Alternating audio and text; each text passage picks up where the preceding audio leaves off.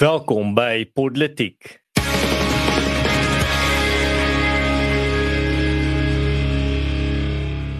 Asai, welkom by vandag se episode. Lekker vir ons om deel te gesels met twee kollegas sit ons 'n bietjie van 'n koue Suid-Afrika. Ek sit nou 35 grade Europa en brand en kook, maar uh, wie kla wie's bang. En vandag se episode is saam met natuurlik Erns van Sail en Rainer Dievenage. En vandag se episode ANC maak beleid Mqobane verwyd en FSA stel uit.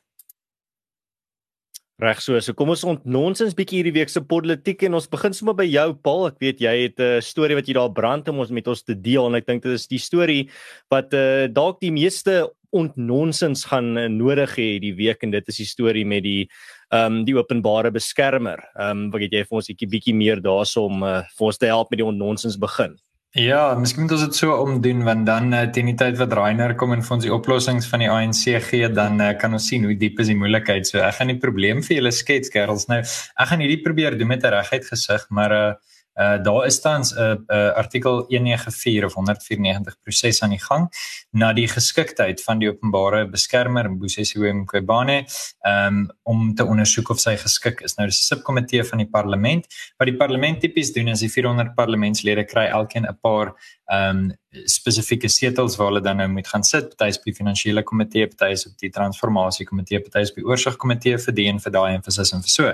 En hierdie spesifieke komitee moet uh seker maak dat die artikel 9 organisasies hulle werk doen.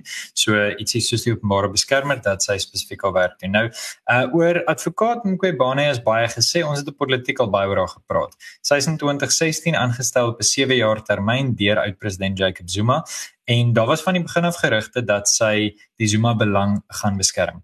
Nou uh heelwat verslae het aangedui dat sy nie geskik is om in haar pos te dien nie. Sy het basiese goed wat sy net moes doen nie gedoen nie en uh sy het nie naasien by dieselfde vlak natuurlik in die Suid-Afrikaanse harte gekruip soos haar voorganger Tuli Maronsela nie. Nou goed, 'n bietjie om insig te gee oor hierdie artikel uh, 194 proses. Sy is die 9de Julie natuurlik met hierdie proses in oog uh, is sy geskort deur president Ramaphosa. Sy het later gesê dit was omdat sy begin vra vra het oor die Pala Pala ehm um, wildsplaas wat natuurlik in die noordooste van die land is en wat aan president Ramaphosa behoort. Daaroor het ons in 'n vorige episode gepraat. Sedert die 11de Julie is daar dan nou al uh, hierdie onderhoude. Die eerste dag was daar uh, verklaringe deur die uh, verdedigende wel deur die inleidende en die verdedigende kant. Sy word verdedig deur advokaat Dalium Polfu ons is niemand van ons is verras daardeur nie. En um, ag ek sal nou baie lank kan aangaan. Die proses is nou nog aan die gang. Mens kan die regstreekse uitsending daarvan volg en jy kan regstreeks die kommentaar volg. Ehm um, uiteindelik het 'n paar interessante goed voor in dag gekom wat ek dink ons nou moet kyk.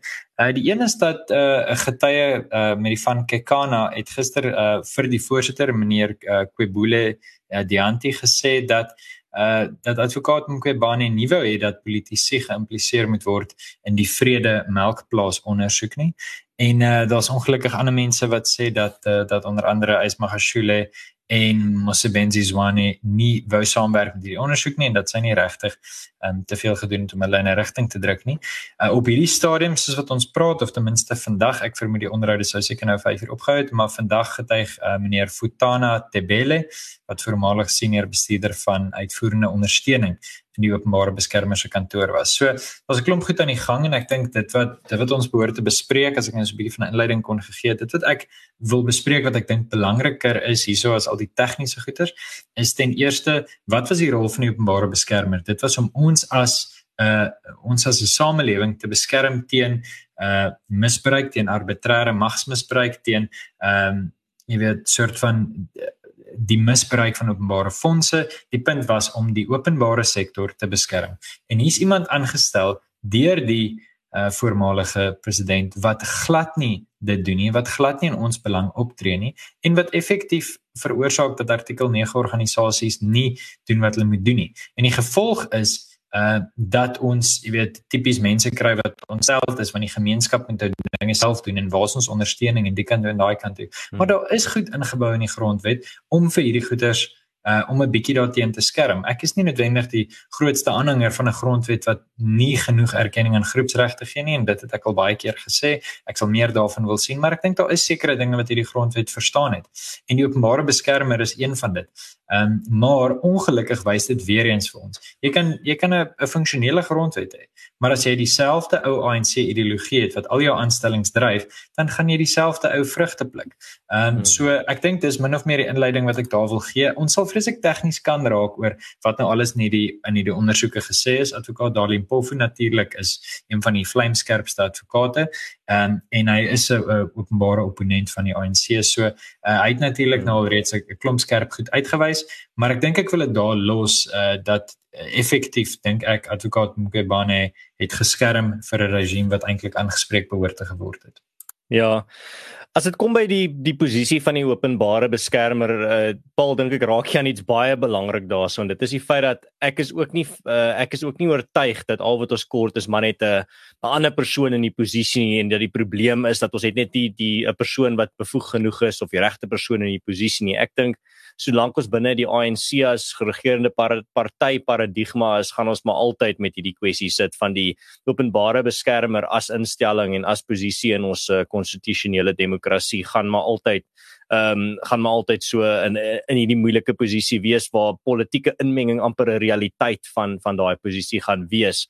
Ehm um, wat ons eintlik hierso maar sien is maar net 'n uh, politieke uh, burgeroorlog wat aan die gang is, verskillende instellings en posisies uh, binne die konstitusionele orde word ge word eintlik in wapens verander uh in 'n in 'n politieke burgeroorlog en dit gaan eintlik glad nie oor die beginsels agter dit. Dit gaan nie oor waarvoor hierdie instellings en posisies in die eerste plek daar was nie. Die ANC kyk maar net na hulle en en dink uh gaan dit gaan hierdie vir my as 'n spies kan ek dit as 'n spies of 'n swaard of 'n pyl en boog in hierdie oorlog gebruik. En ongelukkig is is die die publiek, die open die die public and public protector, die, die uh, Jan publiek wat beskerm moet word deur die openbare beskermer is eintlik die slagoffers van presies hierdie wat ons hierso sien aan die gang is. En hulle is ook die slagoffers van al hierdie uh, verpolitisering van van al hierdie posisies. Maar dalk Paul, jy het nou eintlik aan alles geraak wat ek sou wil bylas as 'n uh, as analise. So ek dink regtig eintlik ons moet nie uh, in die tegniese kant daarvan ingaan nie. Dit is nie dink ek van wat regtig be belang is vir ons luisteraars in hierdie kwessie. Wat vir ons luisteraars eintlik dink ek meer van meer groter belang is, is eerder die vrae wat dit wat dit moet opwakker by hulle. Vrae soos Ehm um, wat sê hierdie soort situasie oor ons konstitusionele orde en hoe dit moet funksioneer en hoe dit uh, tans funksioneer?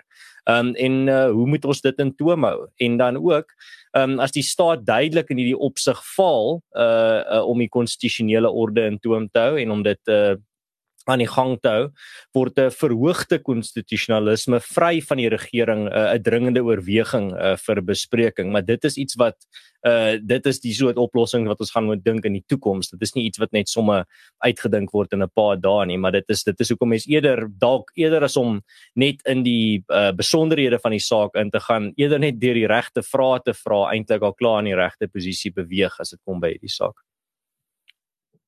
Ja, erns as ek daar kan bylas uh, kortliks, ek dink dat my insette lewer oor die openbare beskermer. Die openbare beskermer soos Paul ook genoem het, dit is 'n feilbare posisie. Dit is 'n posisie wat die, wat deur die sentralistiese staat aangewys word.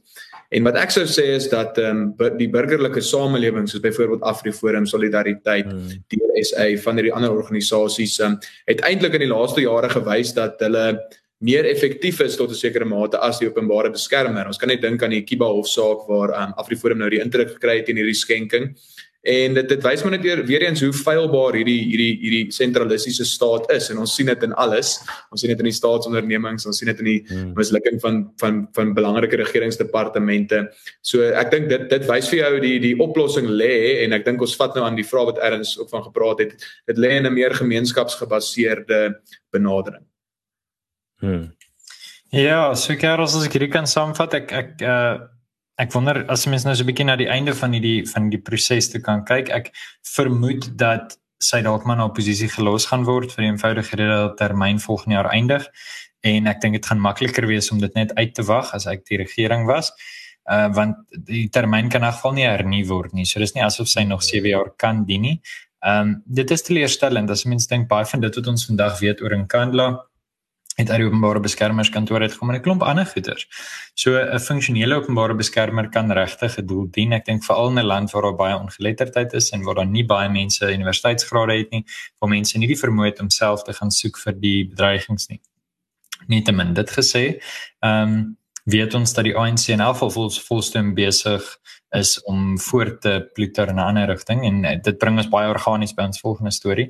So Rainer, jy het so 'n bietjie 'n uh, oogie gehou op die ANC se onlangse beleidskongres en uh, ek hoop nie jy was self daar nie. As jy was, hoop ek dat jy uh, genoeg kos gekry het. Daar's gewoonlik baie goeie kos by die goeters. Hulle deel ook baie lekker wyn ook van wat ek kan sien. Ja, hulle hulle deel Frans van Non en Karl Marx boeke vir nie uit wat op die biblioteekie vol gemaak. Maar as jy as jy hom aanlyn dopgehou het, uh, is dit seker net so goed in terme van uitset, nee, ek hoor uh, graag wat jy raak gelees het. Ja, Paul, ehm um, ja, so kyk, dit was nou in Johannesburg die beleidskonferensie van die ANC die naweek gewees. Dit was ehm um, eintlik maar die ANC se beleid hoe die party sigself sien. Uh ongelukkig uh het daar baie goeters weer na vore gekom, uh, ook uit die uit die meer kom ons sê uh radikale faksies van die ANC, die onteiening tema is weer aangeroer. Uh die onteiening tema wat um, die daar's gesê die ANC wil 'n sterker parlementêre parlementêre meerderheid kry om tog onteiening weer te dryf. Ons weet dit is onlangs verwerp in die parlement en die ANC het uh, aangedui hulle wil voortgaan met dit. Wat baie kommerwekkend is, is hulle het uh, ook voortgegaan met die uh, hulle gesê hulle, hulle steun die beleid. Nou ons moet onthou hier is nou nie amptelike beleid wat wat aangekondig is of, of wat wat eintlik op die tafel is nie. Dit is net die ANC se se eie uh soort van aanduiding van waartoe die party op pad is. Maar uh, dan wil hulle ook nou nog die nasionalisering van die reservebank wat 'n verskriklike vreesaanjaende onderwerp is. Uh hulle wil ook um, en dan ook 'n ander ding wat uh, wat um, ter sprake was by die konferensie is 'n basisinkomste van uh uh 350 rand of wat wat die ANC wil graag wil implementeer. En ons weet uh, die ANC betaal reeds uh sosiale toelaas aan byna 50% van die van die land se bevolking. En uh, na my mening uh, is dit 'n net 'n manier om om mense meer afhanklik van die staat te maak Uh en dan ook um, in die in die vierde plek en dit is ook 'n belangrike uh iets wat ons uit die konferensie kan haal is dat uh, die ANC het ook um, gesê hulle wil nou 'n staats uh geskiedeniskanaal skep vir die SA by die SAIK en uh miskien is dit ook nou maar net weer eens soos wat die ANC uh na aanleiding van die Kiba skenking waar hulle probeer het om al die historiese bande uit te lig en uit te wys wat Suid-Afrika met Kiba het en en Kiba se rol wat dit gespeel het. Uh ons weet die ANC is obsessief oor ideologie en dit is dit sien nie in hierdie vier punte wat ek gemaak het. Maar uh, net om af te sluit, uh jy weet jy kan soveel Fidel Castro dokumentêre maak as jy wil op hierdie nuwe SAIK uh geskiedeneskanaal. Dit gaan nie die mense voer nie. Dit gaan nie die mense afhanklik onafhanklik maak van die staat nie. Dit gaan nie werk en welvaart in die land skep nie. So net is of julle om om 'n agtergrond te gee van die tipe onderwerpe wat aangeroer is by hierdie konferensie. Uh en ons weet kyk eintlik Cyril Ramaphosa uh klou nog aan die mag vas en nou uh, dis nie noodwendig in my opinie omdat hy fantasties uh, wel of omdat hy so in 'n sterk posisie is nie. Uh, ons um, ek dink dit is meer dat uh, sy opponente ook, ook nie 'n baie sterk basis het nie. Hmm. Ja, en uh, soos jy nou genoem het Rainer aan die einde van die jaar het ons nou hulle hulle leierskapskonferensie waar ons nou gaan sien wie gaan 'n uh, eh, wie gaan die die skip stuur of moet ek eerder sê wie die Titanic gaan stuur um uh, in die jare wat voorlê. Um maar hierdie beleidskonferensie is nie sommer net iets wat mense moet ignoreer nie. Ek kom ek bly is um jy het dit gekies as jou storie vandag om om in te lei want op die ou end wat binne in die ANC aan die gang is is die ek bedoel in politiek se gee ons altyd baie nuance oor die as mense so praat van die faksies binne in die ANC en waar mense moet fokus en wat is net 'n 'n aandag afleier maar as dit kom by die faksie bekleierery binne in die ANC is dit faksies wat saamstem oor die eindbestemming waar hulle wil uitkom. Hulle verskil maar net oor die roete hoe om daar uit te kom. So ek gebruik altyd die metafoor van dis 'n groep vriende en hulle wil nou 'n uh, lekker vakansie in um, in Pretoria gaan nou en hulle kom van die Kaap af Nou hulle moet daar's baie roetes wat hulle kan ry op pad Kaap toe. Ehm um, maar uh die vriende kan nie kan nie regtig besluit nie. So van die vriende sê hulle moet heeltemal lekker deur die Noord-Kaap ver ry en so net bietjie op die minder gedrewe paaie gaan. Van die ander sê nee, ons moet net die hoofweg opry uh deur Bloemfontein en so soos die kraai vliegery. Ehm um, van die ander sê nee, ons moet bietjie die uh, bietjie die see gaan sien, so ons moet daar by die tuinroete opry en dan kan ons so tot by maar hulle, hulle eindbestemming is nog steeds Pretoria en dit is hoe die ANC ook moet sien. Al hierdie bekleierery binne in die ANC, dis nie tussen aards doodsvyande nie. Jy kan dit sien in die foto's as hulle mekaar ontmoet by geleenthede. Is dit alles groot glimlagte en hulle lag lekker saam en hulle hulle doen alles wat vriende doen. Ehm um, maar waar hulle verskil is hoe hulle wil uitkom uh, by daai eindbestemming. Maar die eindbestemming bly dieselfde en dit is hoekom hierdie beleidskonferensie belangrik is want dit is eintlik 'n debat binne 'n interne debat binne die ANC oor die manier hoe om uit te kom waar hulle wil uitkom.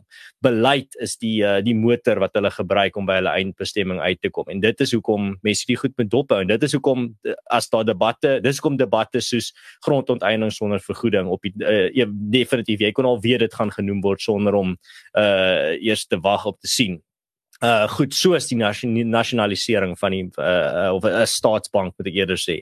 En dan ook nasionalisering van uh van verskillende sektore van die ekonomie. Al hierdie soort goed kom na vore want dit is die groot debatte waar binne die ANC verskil oor moet ons dit doen is hierdie die regte pad om by ons eindbestemming uit te kom? Maar dan net om af te sluit um, ek dink ook as mens nou kyk na die pad vorentoe in die volgende paar maande tot by Desember wanneer ons nou gaan sien of Ramaphosa in sy pos gaan bly of nie as leier van die ANC is iets om in gedagte te hou wat dat jy gaan nou binne in die nuus sien dat daar gaan baie radi meer radikale retoriek as gewoonlik wees. Daar gaan nou ANC kaders gaan die malste en absurdste goed in die volgende paar maande kwytraak. Jy het al klaar gesien met eh, Lindiwe Sisulu wat gepraat het van 50-50 proporsies eh, rasgewys in elke skool. Maar verwag baie meer van dit. Uh, uh die die uh, Lesofie wat weer ook uh, sy heeltemal sy kop verloor oor Urania is maar ook net nog 'n voorbeeld. Ehm um, daar gaan baie meer van dit gebeur in die volgende paar maande en dit gaan al hoe meer gebeur in die aanloop tot Desember want elke kader gaan probeer om homself te posisioneer binne die ANC en eintlik al te bewys maar my pad tot by die eindbestemming is die regte pad maar onthou hulle almal is op besig om te werk na dieselfde eindbestemming toe. Daaroor is daar geen verskil nie. Uh Rainer, ek wil graag op, op paar goed ingaan wat jy gesê het, maar eers wil ek uh, net kommentaar lewer op wat Erns gesê het. Ek dink as meeste van uh jou vriende in die week sit hierdie kyk en sê maar jy vertel die pad noord dan dink hulle maar daar's net een pad Tilbag toe. Hoe gaan jy jy wil nou noord gaan? Wat is noord van Tilbag? Niks. Afrika, ja. Londen net. So ehm um, ja. ons gaan ver noord. Ons gaan Sint Helena Bay toe. Dit is vir my uh, altyd uh, interessant as mens Kaapenaars skryf uit Pretoria toe kom en dink ek jy weet dit is want dit is uh iets wat mense nie so baie sien nie. Ek het my familie wat in die Kaap bly en sê altyd ja maar hoekom kom kuier vir ons? Ons sê vir jou kom kuier nie. Jy's welkom om te slaap lekker. ja ja. Okay. So ehm um, nee net dit en ehm um, ek dink die uh daar's 'n paar interessante goeders wat uit hierdie beleidskongres uitgekom het. Natuurlik wat die wat die ANC betref dink ek hulle probeer ook maar die verskillende lede probeer natuurlik media raakslaan en ons weet dit is my altyd oulik as Kali Kriel vertel hoe uh, Afriforum begin het en hy sê hulle was so graag net in die media raak gesien word. Jy weet en natuurlik nou uh, is dit hierdie groot masjien wat uh, eie ateljee en die tipe goeders het. Maar in 'n sekere sin sien elke politikus hom of haarself as hierdie klein engine wat eendag in die groot kantoor in die Unie gebou gaan sit en hoe gaan hulle daar uitkom? Wel hulle moet nou in een of ander posisie kom. So daar is daai ehm um, radikale tipe reaksies en dit sien ons mense gaan enigiets doen wat hulle kan. Uiteindelik dink ek beginsel beteken baie min in in in politiek uiteindelik. Ehm uh, jy weet as mens teruggaan na die antieke tekste toe jy lees Plato dan skryf hy in die Republiek hoe ehm um, mense sal letterlik liewer immoreel optree en maak of hulle moreel is want dit is 'n makliker lewe om te lei. Dan dink ek jy gee hulle dit 2600 jaar terug geweet. Ehm um, so ek dink in 'n sekere sin dis maar wat ons nou gaan sien. Goed, maar mens kan nie alles terugvat Plato toe nie, wel jy kan seker. Ek ek argumenteer ek kan nog ons baie van wat vandag aan gaan terugvat Plato toe, maar dis 'n bietjie reduksionisme. Ehm um, hulle beleid behoort niemand van ons te verbaas nie want hulle hang 'n baie dooie ideologie aan. Uh jy weet kommunisme is die die stiefkind van een of ander liberale interpretasie wat Hegel en Marx gehad het en wat doodgeloop het. Uh Lenin kon dit nie regkry nie. 'n Klomp ag ons kan aangaan. Uh, uiteindelik, jy weet, hulle het uit idees uitgehardloop, maar hulle kan dit nie herken nie. Kan jy dink hoe hartseer moet dit wees? Jy weet, dis soos 'n rugby afrigter wat op TV gaan en sê, "Skus, Gerald, ek weet nie hoe te wen nie hoor. Ehm um, sorry. Maar volgende week, maar volgende week gaan ons weer probeer. Ja, ons gaan weer probeer. Sorry Karel, sê laat my dink aan um, die Zeelandse kaptein se paar weke terug. Nee, ons is baie jammer dat ons verloor het. Nee, regtig. jy weet so, ehm um, jy weet die ANC wat gaan skies Karel. Ons is jammer die lig is af hoor. So, hulle het 'n paar opsies. As jy ons kan nou lag hoor, maar ek op die punt maar te lag. Hulle het 'n paar opsies. Opsie 1 ontken dat dit jou skuld is. Dit doen hulle graag, Jan van Riebeeck se skuld. Opsie 2, ehm um, sê dat jou plan net nie reg geïmplementeer is nie. So ehm um, dit doen hulle ook gereeld. om oh ja, om Zuma te blameer is deel van opsie 1, jy weet, want dis die hmm. verskillende faksies wat mekaar net blameer en Zuma het 'n bietjie blameer en ek weet nie, jy weet, 'n bietjie apart blameer dit was.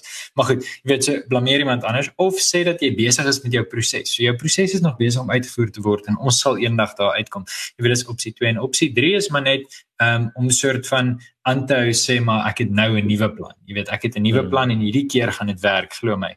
Maar is eintlik dieselfde plan, jy weet. So, ehm um, uiteindelik dink ek hierdie beleidskongres is eintlik 'n geleentheid vir klomp ouens om verniet te eet vir vir 'n naweek en bietjie mekaar te leer ken. Uh wat ek nou uitsien is hulle gaan 'n strategy and tactics dokument op 'n stadium nou weer uitgee. Hulle doen dit altyd vir die nasionale kongres waar hulle soort van vir ons sê wat dink hulle. Uh dis dis altyd lekker om daai goed te lees want jy kry so 'n bietjie 'n idee van hoe lyk hulle aan die binnekant. Ehm um, maar ja, Rainer, dankie vir jou vir jou uh vir jou dophou wat hulle daar gesê het. Nie verbaas oor enige van hierdie nie en die geskiedeneskanaal sal baie interessant wees as iemand anders dan in regering kom en 'n klomp dokumentêre maak oor hoe sleg die ANC was nie. Dit sal uh, die die ultimate poëtiese uh, geregtigheid wees. Maar nee, ek het nie enigiets ernstig om te sê nie en ek kan nog nonsens praat vir ure, maar ek is bang ons verloor kykers. So miskien Rainer moet jy maar weer oorvat. Hmm. ja nee, 'n belangrike punt wat jy daar maak, um, daar is nie 'n oplossing nie. En ek dink uh, toevallig uh, ek het aandag ja, so grap gesien dat um, as jy wil kyk, uh, jy weet wat die sukses van 'n politieke stelsel of ekonomie en 'n politiek politieke ekonomiese stelsel is, kyk waar jy die muur moet bou uh om mense binne te hou en en waar probeer die mense in watter stelsel probeer die mense in in on, ontsnap in. Jy weet so dit is ja, ek, ek, ek versigtig daai is, is wat is wat PW gesê het in die Rubicon toespraak so ek ek versigtig daai. ja ja ja, maar ek dink Elon Musk het ook toevallig die ander dag daai punt gemaak. Dis het so, geweet Elon Musk het na PW se toespraak gaan luister maar eers nou dit mens leer niets nie elke dag. ja dit ek weet nie of ons daai verband kan, kan trek nie maar nietemin ja nee. Ehm um, maar uh, ons okay, ons hoef nie hierdie internasionale vergelykings te trek nie. Ons kan gewoon sien by die ANC hulle misluk. Uh, ons kan dit sien in Eskom. Ons kan dit sien in uh, eh, SAL. Ons kan sien dat die die tendens is hierdie hierdie staatsinstellings moet geprivatiseer word en uh, dat uh, hierdie beleid glad nie hoegenaamd nie werk nie en die ANC is bloot besig om um, ja self verder uh, maar eintlik hulle eie uh, graf te grawe deur voort te gaan met hierdie met hierdie beleid en uh, ek dink dit is nou dit is maar wat ons al kan uitneem en hierdie is maar net weer eens baie mense sê dit maar dit is maar benoude katte wat benoude spronge maak en deur verder hierdie hierdie sentralistiese beleid te uh, te propageer. Hmm. Ja, maar uh, ek dink uh, sommer eh, 'n uh, laaste gedagte daarso voor ons na die volgende storie toe gaan. Ehm um, wat ek dink ook belangrik is is dat die ANC moenie dink dat hulle is net 'n klomp morone of hulle weet nie wat hulle doen nie. Die ouens daar is die diegene wat net in is om om te skep uh binne in die ANC, maar daar's ander wat ook daar's ideoloë binne in die ANC wat regtig uh, ideologies besete is en wat nog teruggaan na die NDR toe en wat nog teruggaan na die ou koue oorlog terme en die ou koue oorlog ideale toe. Uh moenie net dink hulle almal is net daar net vir die geld en net vir die um die lekker korrupsie geleentheid nie. Baie van hulle is daar ook regtig weens soos ek sê ideologiese besetenheid. Um en iets uh, nogal iets wat ideologiese besetenis baie doen is om uh, woorde te herdefinieer om hulle agenda te pas en dit is iets wat ons nogal nou sien uh, in die FSA as ons nou 'n bietjie ons oë kan gooi na die die ander kant van die aardbol toe. En iets baie interessant het nou uh, onlangs daar gebeur en dit is ek dink baie van ons luisteraars weet dalk daarvan het dit gesien want baie mense het het bietjie die Amerikaanse regime voor gespot maar dit is nogal iets ernstig want dit het uh, dit het implikasies vir hulle beleid uh, in die toekoms wat en as Amerika nuus dan kry die hele wêreld te verkoue. So uh, dit is nie net iets wat sommer net afgelag kan word nie. So uh eerstens moet ek skien miskien net die konteks gee van wat gebeur het en dit is dat uh, Brian Dees is die Amerikaanse uh ekonomiese en politieke adviseur uh vir president Biden en hy's ook die 13de direkteur van die nasionale ekonomiese raad. Um, en hy het in 'n in 'n in 'n nie in 'n toespraak nie, maar hy het in 'n 'n pers uh, konferensie het hy gesê, uh, ek gaan nou sy aanhaling sommer vir julle vertaal hier in Afrikaans in. Uh en hierdie is sy aanhaling. Asseblief moenie hierdie klip dat ek so 'n idioot klink nie, maar dit is hoekom ons hieroor praat. So hy het gesê twee negatiewe kwartale van uh, bruto binnelandse produk groei is nie die tegniese definisie van resessie nie. Dit is nie die definisie waarop ekonome tradisioneel staat gemaak het nie. Einde van aanhaling. Nou as ek dink party van ons luisteraars het definitief ekonomie 101 op universiteit gehad, maar jy hoef nie eers 'n ekonomie 101 op universiteit te gehad het nie. Jy kon ekonomie in graad 10 gehad het, want een van die eerste goed wat jy leer is dat ehm um, 'n resessie is 'n uh, twee kwartale van negatiewe ekonomiese groei. En uh, net miskien 'n uh, laaste uh, definisie daar is as daar miskien mense is wat onseker is. Uh bruto binnelandse produk is die totale geldwaarde van alle voltooide goedere en dienste binne 'n land se grense binne 'n spesifieke tydperk. So dit kan nou binne 'n kwartaal of 'n maand of 'n jaar wees. Jy kan eintlik enige tydperk daarvoor gebruik.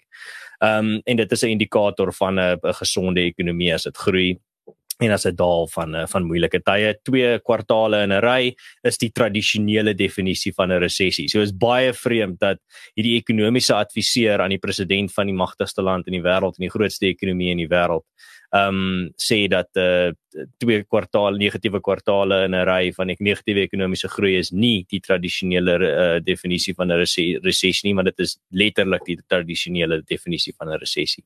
En dan ook net nog 'n ander definisie wat belangrik is is wat 'n depressie is. En uh wel eerstens resessie is 'n nogal 'n nuwe woord. Dit is 'n woord wat al honderde jare oud was nie. Uh dit wat mense het altyd net van 'n depressie gepraat, maar vandag die definisie van 'n depressie is dat dit word algemeen gedefinieer as 'n uiterste resessie wat 3 of meer jaar duur uh wat lei tot 'n uh, uh, van uh, afname in 'n uh, bruto binnelandse produk.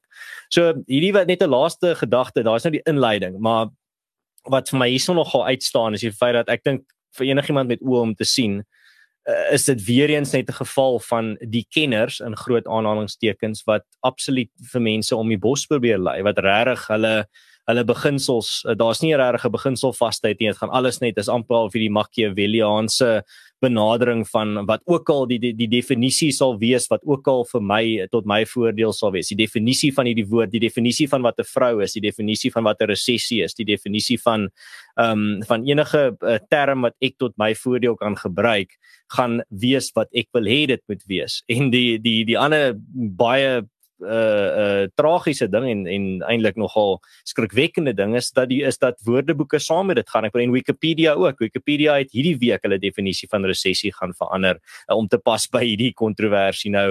Ehm um, en uh kiber woordeboeke het het het, het al dieselfde met ander woorde ook gedoen.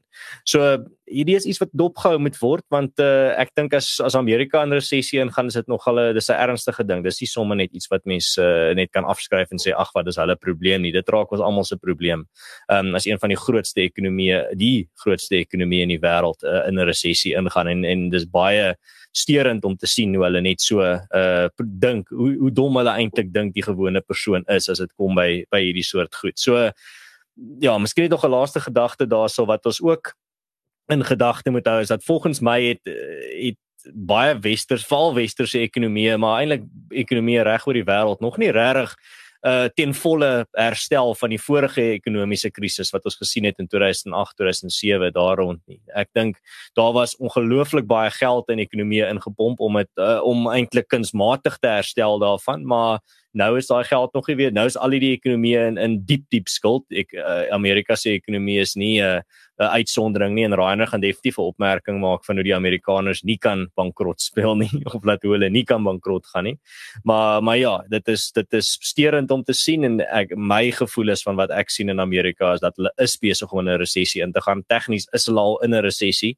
Ehm um, en dit is uh vir Amerikaanse verbruikers en die Amerikaanse burgers iets wat vir hulle definitief uh, hulle in hulle beursies gaan voel in die maande uh, wat voorlê. Ja, ek uh, dankie Erns, dis baie volledige uiteensetting. Ehm um, baie vinnig vir my kant af, ek ek dink natuurlik mense kan altyd argumenteer maar tyd is 'n mensgemaakte konsep en wie meer dit nou en wanneer is ekonomie eintlik in resessie? Die re realiteit is hierdie is konsensus wat ons met mekaar gemaak het as mense. Ek stem saam, die ekonomie is 'n uh, hoofsaaklik mensgemaakte konsep en dis nou maklik om nuwe terme uit te dink. En dis presies wat jy sê. Uh, ons kan begin om terme te herdefinieer. Ons kan begin om op Wikipedia 'n ander definisie te hê vir wat is 'n dogtertjie, wat is 'n seentjie. Ons ons kan dit doen. Verander dit die feit dat dit ons konsensus oor eeue heen was en verander dit die feit dat ons anders gaan moet dink oor absoluut alles wie en wat ons is. Nee, dit doen nie. So jy kan jy kan resessie iets anders noem as jy wil. Jy is welkom. Ehm um, die realiteit is dat dit is 'n konsensus wat ons op besluit het. As ek sê skare Jy weet, tog gaan daar's 'n prentjie in jou kop as ek die woord skerm gebruik of selfoon. Jy weet, ja, goed, elkeen se prentjie lyk 'n klein bietjie anders, maar ons stem met mekaar saam oor wat daai ding is. Nou gaan jy en jy sê nee, maar 'n selfoon is 'n ding waarmee jy papier sny. Dit okay, fyn. Jy's welkom om dit so te noem. Jy het daai vryheid. Jy kan dit doen. Is dit dan te sê dat die res van ons daai definisie gaan aanvaar uh en ewe skielik gaan verander hoe ons die wêreld gesien het oor die jare heen? Ehm um, nee. So ek ja, ehm um, dis absoluut absurd, maar weer eens die alternatief vir Biden sou wees om te sê, "Wel, Karels, ek was verkeerd. Skus daaroor. My fout. Ehm um, ek het gedink hierdie benadering wat ek tot die ekonomie het om net geld op al die probleme te gooi in die wêreld, gaan dit beter maak." Uh, jy weet ek ek moet sê in nie in Biden se verdediging nie maar ek dink vir konteks daar's geweldige druk van sy linkerkant af. Natuurlik met hulle twee party stelsel beteken dit dat dit wat ons die Republikeinse party noem byvoorbeeld is eintlik 'n kombinasie van 'n redelik ehm um, libertariese Boston Tea Party, 'n meer tradisionele Republikeinse groep en 'n groot Christelike groepe. Mm. Ehm um, en dit dit wat ons tipies uh uh sal ken as die demokrate het eintlik op hierdie stadium 'n groot sterk genuine linkse vleuel wat hierdie groen nuwe plan dryf. Hulle tradisionele demokrate, hulle het mense wat eintlik nogals konservatief is. Natuurlik in 'n minderheid op hierdie stadium, maar mense wat pro wapenregte is met dalk 'n bietjie minder wapenregte. So ek dink die demokrate het intern nogals 'n klomp wrywing. Ehm um, maar ja, uiteindelik ag mens sal nou seker 'n klomp goed oor dit kan sê. Lang storie kort, uh, ek stem saam Amerika se ekonomie is maar 'n uh, 'n uh, vrug wat 'n mens kan sien van wat wêreldwyd gebeur. Ehm uh, maar pryse gaan oral op. Ek bedoel pryse in Europa is seker 10% op van Maart maand af net vir jou kos. Uh, dag tot dag dis nie anders in Suid-Afrika nie. Ehm um, dit is maar op hierdie stadium die vrugte wat ons pluk van 'n uh, 'n wêreld wat besig is om ehm um, om oorlog met homself te voer en net fisies nie maar ook ideologiese oorlog. So ja, ek dink dis die die laaste sinvolle ding wat ek daaroor kan sê. Hmm. Ja, ek wil net byvoeg daar, ehm um, dit is uiters kommerwekkend want uh, die Amerikaners het ontsettend geld in die ekonomie ingepomp. Uh die skuld is nou oor 30 uh, biljoen, ons praat van biljoen is triljoen in Engels. Uh en dit is uh die persentasie in verhouding tot die BBP van Amerika is nou meer as direk na die Tweede Wêreldoorlog. So dit sê dit sê vir my dit is onvolhoubaar. Uh dit was om julle idee te gee, dit was jy weet dit was helfte laer net 20 jaar gelede. Uh en dit het nie die, dit het nie die gewenste uitkoms gehad nie. Ja, daar was 'n uh, effens 'n effens 'n verbetering in die ekonomie of eintlik 'n redelike verbetering van daai van die van die vorige depressie af, maar nou is Amerika in 'n uiters uiters uh, moeilike posisie omdat uh, dit het nie gewenste effek gehad of in die langtermyn groei ehm um, lyk nie asof dit uh, bewerkstellig gaan word nie. En uh hoe ek dit sien en ek weet uh, die Amerikaners sal vir my verskil en baie mense maar ek voel as jy soveel skuld maak as 'n land dan uh, sit jy eintlik daai las op die volgende generasie. So jy steel eintlik by die volgende generasie wat dit gaan moet terugbetaal. En uh, dit is my heeltemal onregverdigbaar en uh, dit is my um, en dan dan ook ook en dan ook met bizarre Amerikaners wat sê die Amerikaners uh, kan nooit bankrot gaan nie omdat hulle die dollar uitreik en ek verskil sekerlik van hulle. Ja, ek het geweet jy gaan moet daai noem want dit is dit is absoluut absurd raai. Maar ja, ehm um, my laaste gedagte hierso sal wees is dat baie mense kan nou sê, maar ag, dit is net 'n definisie, dit dit is julle dit is nie regtig 'n nuwe storie nie, maar die ding is as dit kom by hierdie soort definisies is dit het 'n effek op beleid. As jou as as dit as daar 'n konsensus is de, en die, die gevoel is daar dat die land wel nie die gevoel is daar nie maar almal almal weet die land is in 'n resessie gaan jy baie minder beleid kan deurdruk wat byvoorbeeld groot ekonomiese ag eh, groot uh, regeringsbesteding regverdig. Gaan baie moeiliker wees om groot infrastruktuurprojekte te regverdig gaan baie moeiliker wees om groot ehm um, uh uh welsynsprojekte ehm um, te te regverdig en allerlei ander maniere wat die regering geld gooi na probleme toe. As die die uh, algehele konsensus is die ekonomie is in 'n resessie dan moet jy begin om spaarsamig uh spaarsamigheid te inkorporeer in jou beleidsmaak. So dit is nie net 'n kwessie van ag dis net 'n definisie nie, hierdie het regte effekte op beleid en regte effekte op uh hoe politiek funksioneer binne in 'n land. Dis net soos in Suid-Afrika as as die ANC nou kom sou sê as Suid-Afrika in 'n resessie ingaan en die ANC sê sê presies dieselfde as wat die Biden uh, administrasie nou hier gedoen het. Dit gaan regte effekte hê op die beleid wat op die ou end ernstig opgeneem word in Suid-Afrika en dit gaan 'n effek hê op die hoe sterk die kritiek en die uh, balans van magte teenoor veral beleid wat 'n uh, klomp uh, besteding van geld betref uh, het. So ek dink dit is 'n belangrike debat om te hê en is 'n belangrike ding om uit te wys aangesien die die herdefinering van woorde so gunsteling taktiek is van ehm um, drakoniese regerings en uh die die magliefhebbers. Ehm um, maar ja, ek moet sê uh soos uh, soos ekonomiese groei in Amerika is hierdie episode vir nou eers verby. Ek hoop julle almal het dit geniet en ek hoop julle het iets dalk nuut geleer. Uh as julle het en julle het dit geniet, kan julle asseblief dit deel met julle vriende en familie. Julle kan vir ons 'n resensie los waar ook al julle politiek luister op wat ook al platform dit is. As julle op uh YouTube luister, kan julle 'n kommentaar in die kommentaar afdeling los. Ehm um, en onthou om uh, volgende week weer eens in te skakel vir nog 'n episode van Politiek waar ons die nuutste nuus gaan ontnonsens vir julle.